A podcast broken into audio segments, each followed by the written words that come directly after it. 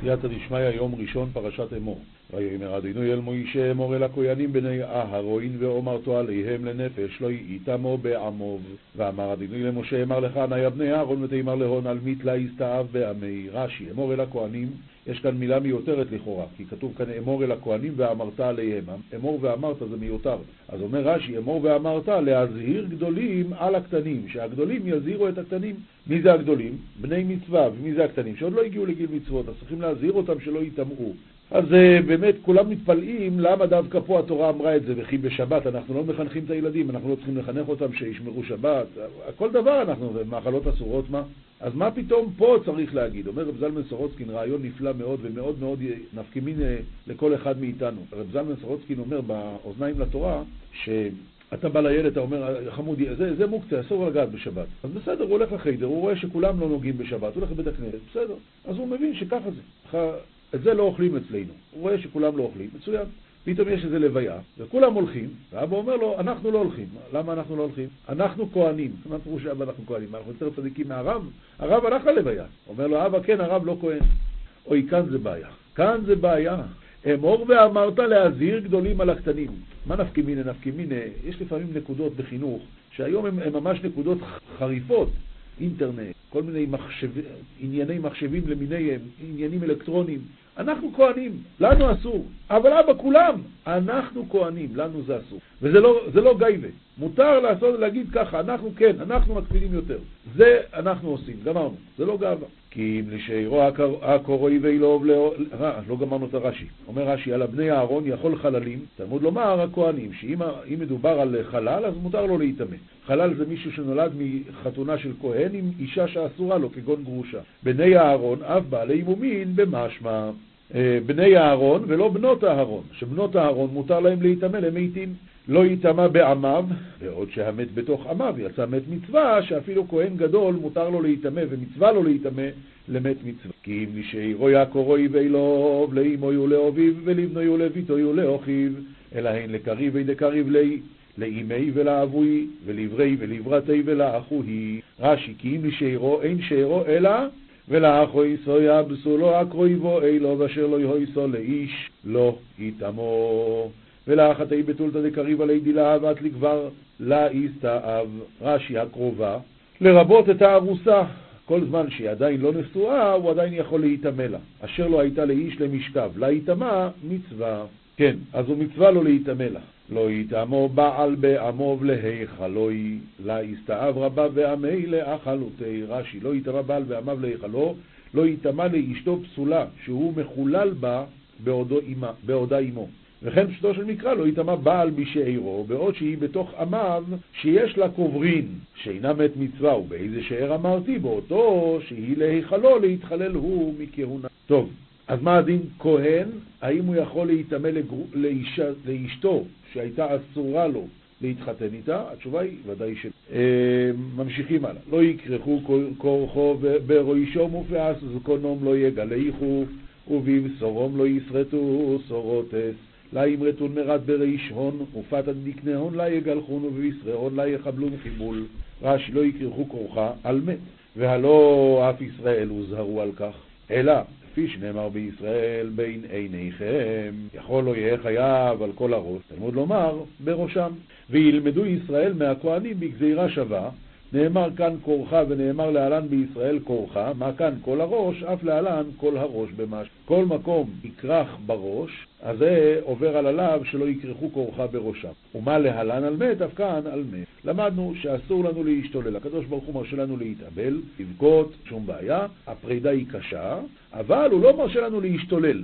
הוא לא מרשה לנו לעשות שריטות בגוף, הוא לא מרשה לנו לתלוש שערות, זה הוא לא מרשה. ופעד זקנם לא יגלחו לפי שנאמר בישראל, ולא תשחית, יכול לכתוב במלקט ורהיטני פינצטה.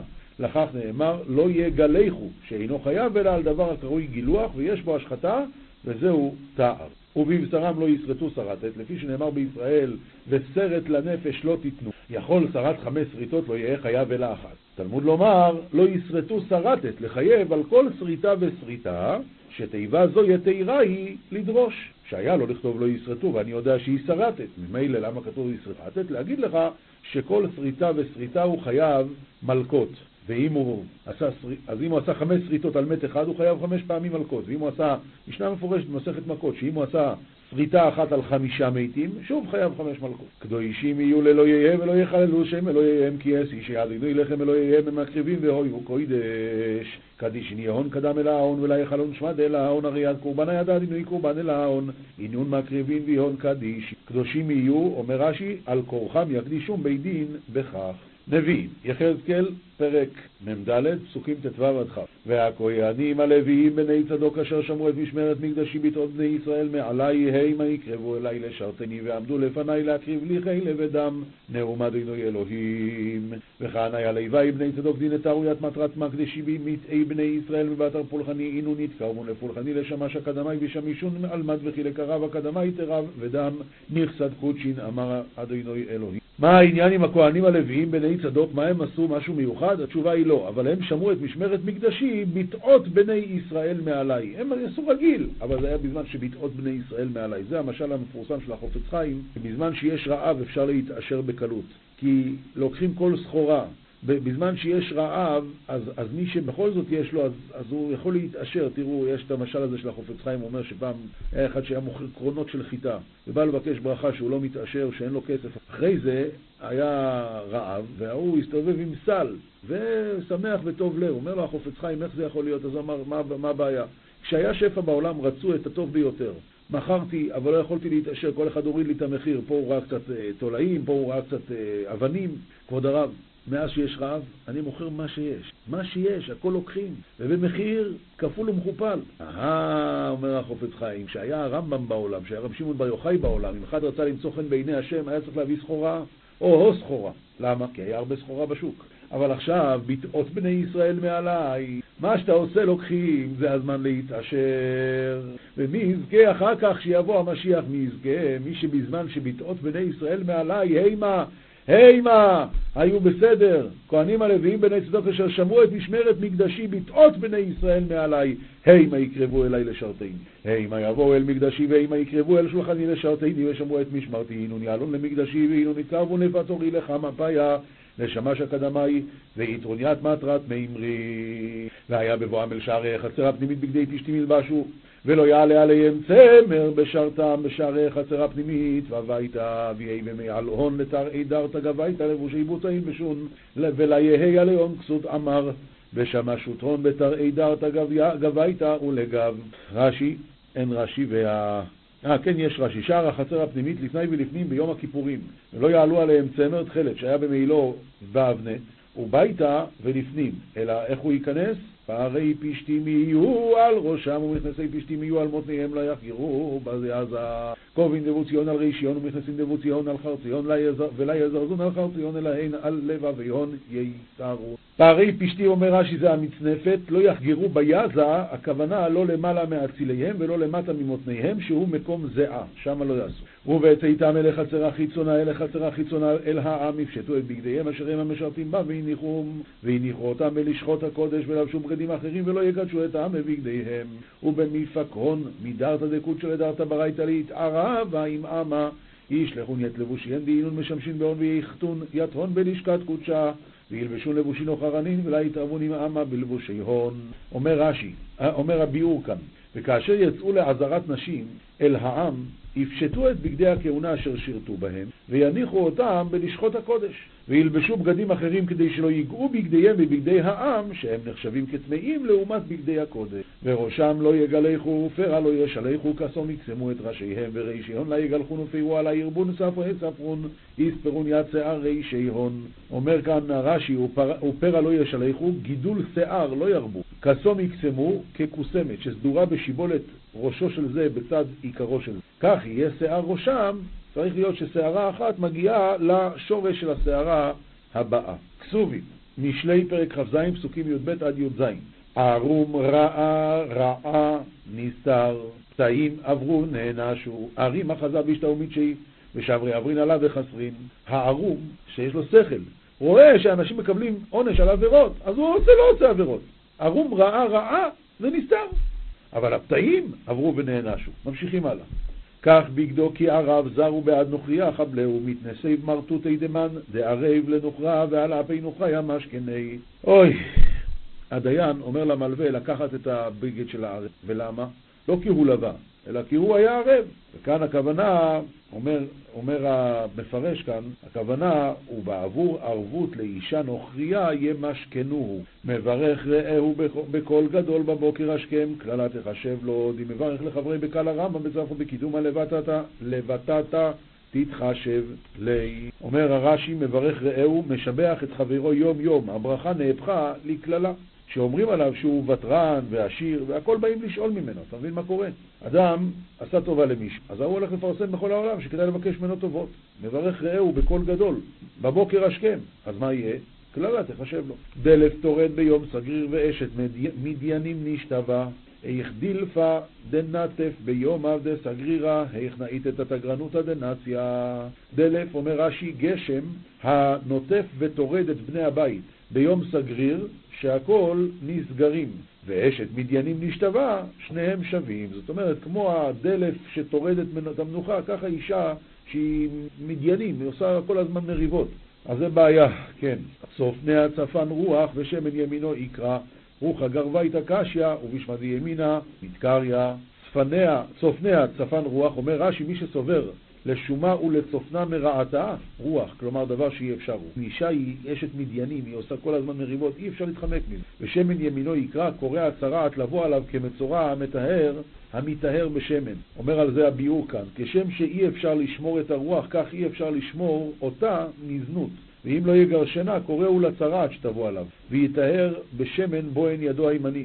ברזל בברזל יחד, איש יחד פני רעהו, פרזלה בפרזלה לטיש, וגברא לתשע פי דחברי. אומר המפרש כאן כדוגמת, כדוגמת ברזל המחדד ברזל, כך תלמיד חכם מחדד את חברו בהלכה, כי על ידי ששני ראשים נפגשים, הוא אומר והוא חושב עוד פעם, אז זה גורם את החידוד בהלכה.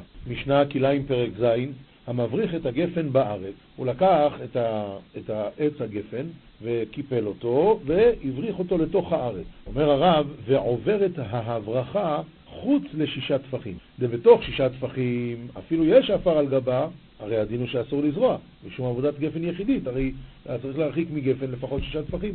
אז המבריך את הגפן בארץ, מרחק של יותר מ-60 סנטימטר, אם אין עפר על גבה, שלושה טפחים, לא יביא זרע עליה. אפילו הבריחה בדלעת או בסילון.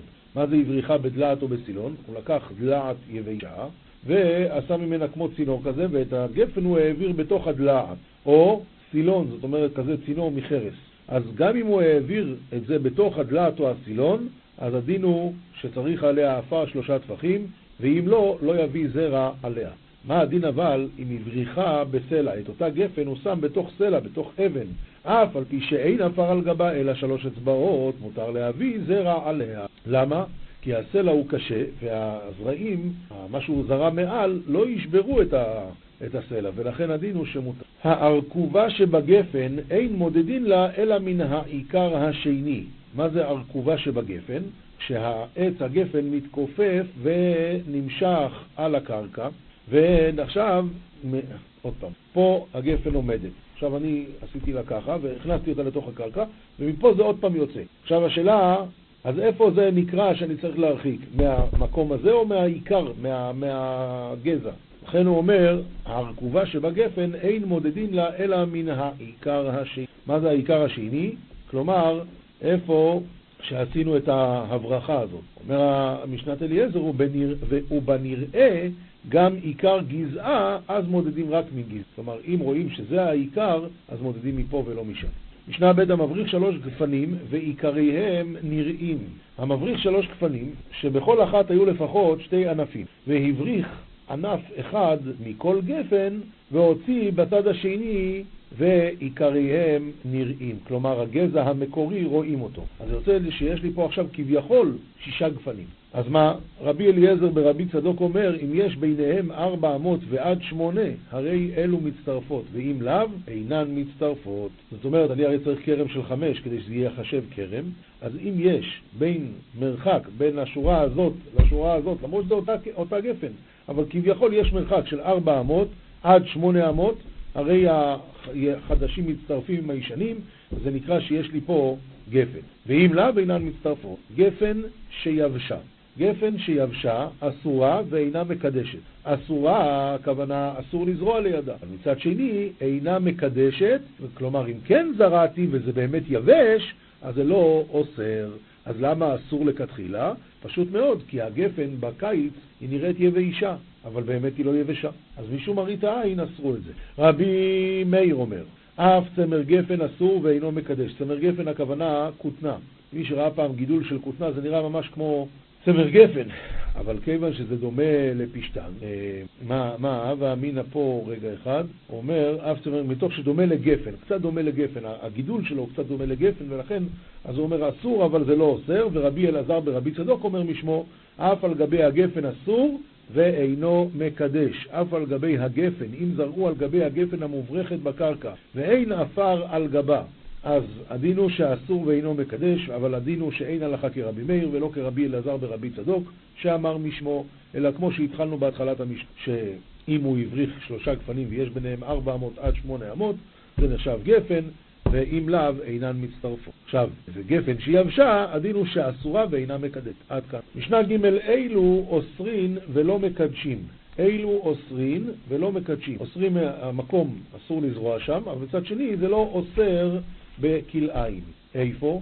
מותר חורבן הכרם, מותר מחול הכרם. מותר חורבן הכרם, הרי אמרנו לעיל בפרק ד' משנה א', כרם שחרב באמצעו, כשיש שם 16 אמה, אז מותר להביא זרע לשם. ואם לא היה רק 15 אמה, והוא זרע שבע אמות, או אותו הדבר מותר מחול הכרם. אמרנו שאם יש י"ב אמה, אז מותר לזרוע שם. אבל כאן היה מדובר שלא היה שם י"ב אמה, אלא רק 11, והוא הרחיק ארבע אמות מהכרם וזרע. וכן מותר פסקי אריס, מותר פסקי אריס שהוא משך את ענפי הגפן הזאת, כמו שדיברנו בפרק הקודם, על גבי עצים. הוא משך את זה על גבי עצים אחרים וחרב מאמצעו. למדנו בפרק ו' משנה ו' שצריך מרחק שמונה אמות ועוד, והוא לא עשה את זה, אלא הרחיק רק שישה טפחים משני צדדים, וזרע את המותר. אז, אה, וכן מותר אפיפיירות, זה קנים שמושכים עליהם את עלי הגפן, את ענפי הגפן, שאמרנו שאסורים לזריעה, אבל בכל זאת כל זה רק לכתחילה, ובדיעבד זה לא נאסר. אבל תחת הגפן, ועבודת הכפן, כלומר בתוך דלת אמות לכרם, וארבע אמות שבכרם, הרי אלו מתקדשות, זה לא יעזור לה. או בתוך שישה טפחים, או בתוך ארבע אמות, ודאי שזה נאסר בכלאיים, והדין הוא שצריך. משנה ד' ה' המסכך את גפנו על גבי תבואתו של חברו, הרי זה קידש. כן, הוא אסר את מה ש... כן, הוא אסר עליו. המסכך את גפנו על גבי תבואתו של חברו, אז זה כלאיים, אז זה נאסר. וחייב באחריותו, הוא חייב לשלם, הוא הזיק. הוא הזיק. אומר הרב, ואפילו מי שסובר שדינא דגרמי לא די, אבל כאן זה שונה, כי כאן הוא עשה את זה ממש בידיים. הוא לקח את הכרם והדלה אותו על גבי התבואה. אתה אשם בזה. רבי יוסי ורבי שמעון אומרים, אין אדם מקדש דבר שאינו שלו, זאת אומרת, הוא לא יכול לאסור את זה, כי זה לא שלו. אומר רבי יוסי, מעשה באחד שזרע את כרמו בשביעי. ובא מעשה לפני רבי עקיבא ואמר, אין אדם מקדש דבר שאינו שלו. וכיוון שבשביעית השדה היא לא שלו אלא הפקר, אז הדין הוא שזה מותר. משנה ו' האנס שזרע את הכרם ויצא מלפניו, כלומר, הוא אנס, הוא גנב לו את השדה, והוא זרע בתוך הכרם, הוא עשה כלאיים. אבל, הרי לא, זה לא שלו, אז איך הוא יכול לאסור? עכשיו, הוא יצא מהשדה והבעל הבית הגיע והוא רואה הברוך, יש כאן כלאיים. אז קוצרו אפילו במועד. הוא צריך לקצור במועד, אבל הוא לא יכול לעשות את זה לבד, הוא צריך פועלים. אז הוא צריך עכשיו להשיג דחוף פועלים, ואלה יעלו לו את המחיר, זה תעריף שבת, כן, תעריף יום טוב, תעריף אה, חול המועד. מה הדין? עד כמה הוא נותן לפועלים? התשובה היא עד שליש. יותר מכאן, יותר משליש מעל המחיר הרגיל, קוצר כדרכו והולך אפילו לאחר המועד. מתי הוא נקרא אנס? מי שישקע. מה זה מי שישקע? האנס, מתי נקרא בעלים והוא יכול לאסור? מאז שישקע, שישכחו בכלל שהוא אנס ויחשבו שזה באמת שלו. ישקע שם הבעלים האמיתי. משנה ז' הרוח שהלעלה את הגפנים על גבי התבואה, כלומר יש רוח חזקה והיא הביאה את הגפנים מעל גבי התבואה, יגדור מיד. מה זה יגדור מיד? אומר הרב, יחתוך וילקט. וכן אימר או אונס, עכשיו ככה, הוא יגדור מיד, צריך לחתוך את זה, ואם ארעו אונס, מותר. מה זה אם ארעו אונס, שהוא לא הספיק לחתוך את זה מיד? אז מותר. תבואתו, שהיא נוטה תחת הגפן, וכן בירק, מחזיר ואינו מקדש, זה לא נאסר. מאי מתי תבואה מתקדשת? עכשיו, ממתי זה נקרא איסור כלאיים? משתשריש, מהרגע שזה הושרש באדמה, יש כאן גרסה נוספת שתשליש, תביא שליש הגידול שלה. וענבים, מי שייעשו כפול הלבן. אז כשמגיעים לגודל הזה, אז מתחיל האיסור של כלאיים. תבואה שיבשה כל צורכה, וענבים שבשלו כל צורכן, אין מתקדשות. למה? כי כל האיסור זה שזה יונק אחד מהשני, אבל כאן כבר לא יונק, כיוון שכבר בשלו כל צורכן, ו- וכבר התבואה התייבשה כל צורכה. משנה ח' עציץ נקוב מקדש בכרם, למה? כי הוא יונק מהאדמה, ושאינו נקוב אינו מקדש בכרם, כי הוא לא יונק מהאדמה. ורבי שמעון אומר, זה וזה אוסרין ולא מקדשים. זאת אומרת, אסור, אבל לא מגיע למצב שצריך לשרוף את זה. מה הדין המעביר עציץ נקוב בכרם? אם תוך כדי ההעברה היה מספיק זמן כדי שזה יוסיף העציץ 1 חלקי 200, אז הדין הוא שאסור, כי כלאיים נאסרים ב-1 חלקי 200. גמרא, מסכת ברכות, דף ל"א עמוד א', עומר רבי יוחנן, משום רבי שמעון בר יוחאי, אסור לאדם שימלא שחוק פיו בעולם הזה. כאן הכוונה בעולם הזה, הכוונה בזמן הגלות. אחר כך, אז ימלא שחוק פינו, שנאמר, אז ימלא שחוק פינו. מתי זה אז? בשוב השם את שיבת ציון. היי, מתי? בזמן שיאמרו בגויים, הגדיל השם לעשות עם אלה. יפה מאוד. אבל עכשיו לא ימלא את פיו שחוק. אמרו עליו על ריש לוקי, שמימיו לא מילא שחוק פיו בעולם הזה, מקי שמעה מרבי יוחנן רבי. ברגע שהוא שמע את ההלכה הזאת, יותר הוא אף פעם לא צחק, במלוא פיו. תנו רבונון, אין עומדים להתפלל לא מתוך דין ולא מתוך דבר הלכה, אלא מתוך הלכה פסוקה. אומר רש"י, הלכה פסוקה שאינה צריכה עיון. למה? שאם הוא עמד מתוך עיון, אז הוא יחשוב על הלימוד בזמן התפילה, שלא יהא מהרהר בה בתפילתו. והיחידה מהלכה פסוקה, אומר אביי, כי הא דרבי זירא דאמר רבי זירא בנות ישראל החמירו על עצמם ואפילו רואות טיפה דם כחרדל יושבות עליו שבעה נקיים, זה נקרא הלכה פסוקה. אפילו טיפה דם כחרדל, יושבות שבעה נקיים. תנו רבונון, אין עומדים להתפלל לא מתוך עצבות, ולא מתוך עצלות, ולא מתוך שחוק, ולא מתוך שיחה, ולא מתוך קלות ראש, ולא מתוך דברים בתהילים, אלא מתוך שמחה של מצווה. אומר רש"י, מה זה נקרא שמחה של מצווה?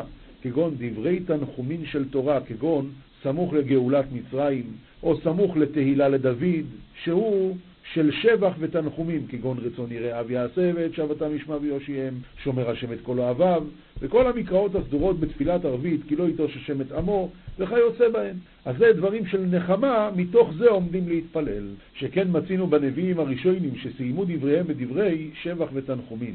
וכן תנא מרי בר בריה דרב הונא בריה דרבי ירמיה בר אבא אל ייפטר אדם מחברו, אלא מתוך דבר הלכה, שמתוך כך זוכרהו. גם כששני אנשים נפגשים כדי להיפרד, אז שייפרד איתו מתוך דבר הלכה, שמתוך כך זוכרהו. מה, פתאום, מה פירוש מתוך כך זוכרהו? שכשהוא נזכר בו, הוא נזכר בהלכה. נזכר בהלכה, נזכר בו, אז זה הזיכרון הכי טוב שיש. כן. בגוהן כתוב שההלכה המדוברת היא, מה זה מתוך דבר הלכה? יוחיד ורבי מלוכי כרבי. ומדוע? לפי שהמלאך שממונה על השמירה בדרך, קוראים לו י' ו' ה' כ', וזה הראשי תיבות של יוחיד ורבי מלוכי כרבים.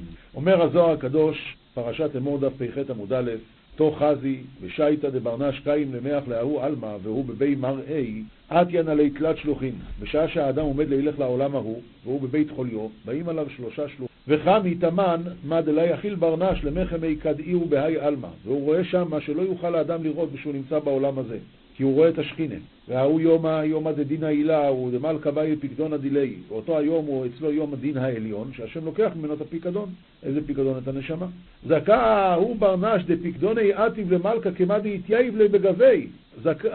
אשרי מי שזוכה שהוא מחזיר את הנשמה שלו בלי חטאים, כמו שהשם הפקיד אצלו את הנשמה, ככה הוא מחזיר. יהוא פיקדונה איתנף ותינופי גופה, מה יאימה למראי בפיקדונה? אם הוא מחזיר את הפיקדון מלוכלך, מה הוא יגיד לבעל הפיקדון?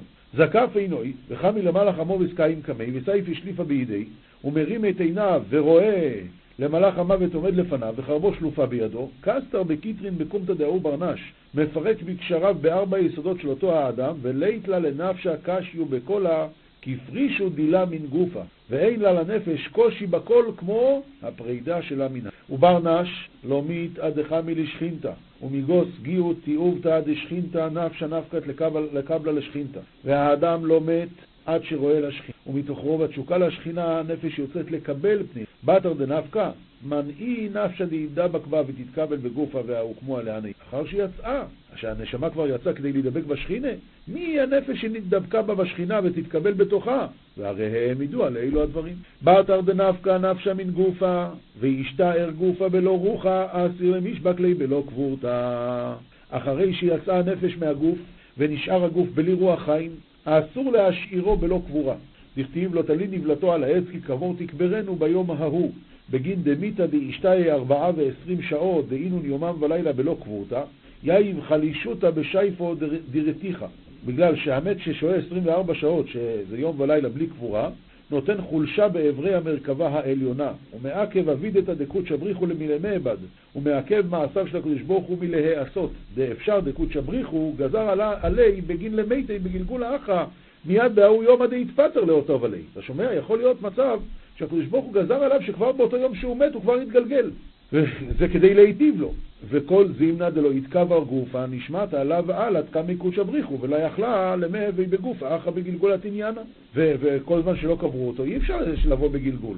אז בעצם זה מעכב את מעשיו של הקדוש ברוך הוא. דלא יאבין לנשמת הגוף האחרא עד יתקדר קדמה, ודאדמי לברנש דמיתא איתתי, ולה יתחז אלי למי סבית את האחרא דקבר לקדמיתא. כמו שלמשל, אדם שמתה אשתו, אז מה הוא יכול להתחתן ועוד לא קברו את אשתו הראשונה? אותו הדבר כאן, להיכנס לגלגול שני, אתה צריך לפני כן לקבור אותו. ובגין דאמרת אורייתא, לא תלין נבלתו על העץ. דבר אחר.